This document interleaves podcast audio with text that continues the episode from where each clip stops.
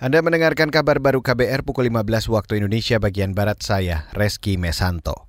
Saudara perseteruan antara Kepala Staf TNI Angkatan Darat atau Kasat Dudung Abdurrahman dengan anggota Komisi Bidang Pertahanan DPR, Effendi Simbolon dinilai tidak akan menurunkan kepercayaan publik terhadap TNI.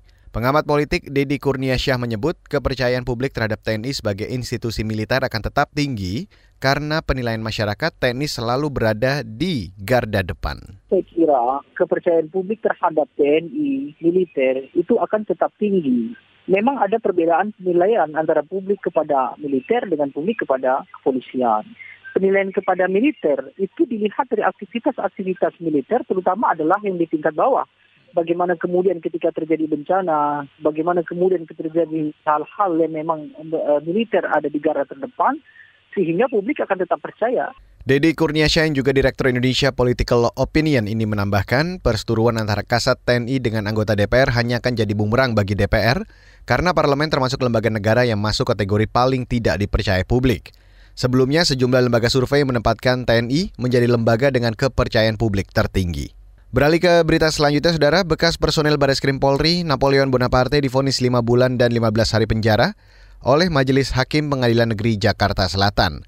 Majelis Hakim menilai Napoleon secara sah melakukan penganiayaan dengan melumuri kotoran manusia kepada Muhammad Kosman alias MKC saat di sel tahanan.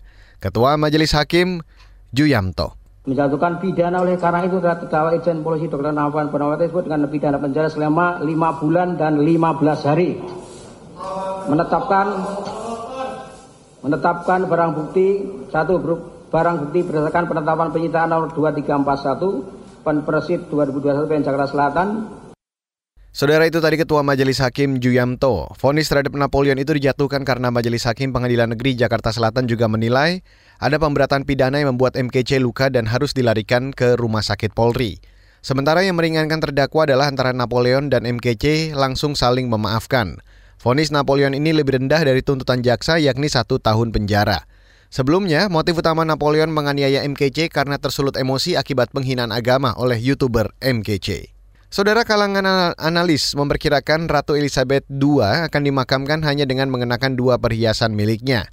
Bahkan Kepala Komunikasi di Dewan Berlian Murni, Lisa Levinson menduga, meskipun peti mati Ratu Elizabeth II dihiasi sejumlah perhiasan milik Kerajaan Inggris, Jenazah ratu hanya akan dikuburkan dengan harta yang lebih sederhana. Lisa mengatakan semasa hidupnya Elizabeth adalah sosok wanita rendah hati dan tidak berlebihan mengenakan perhiasan kecuali cincin kawin emas dan anting mutiara. Kehidupan Ratu Elizabeth II selalu diselubungi warisan keluarga kerajaan, baik di Inggris maupun daerah persmakmuran. Koleksi perhiasan pribadi Ratu terdiri dari 300 item, termasuk 98 bros, 46 kalung, 34 pasang anting, 15 cincin, 14 jam tangan, dan 5 liontin. Ratu Elizabeth II akan dimakamkan Senin 19 September mendatang.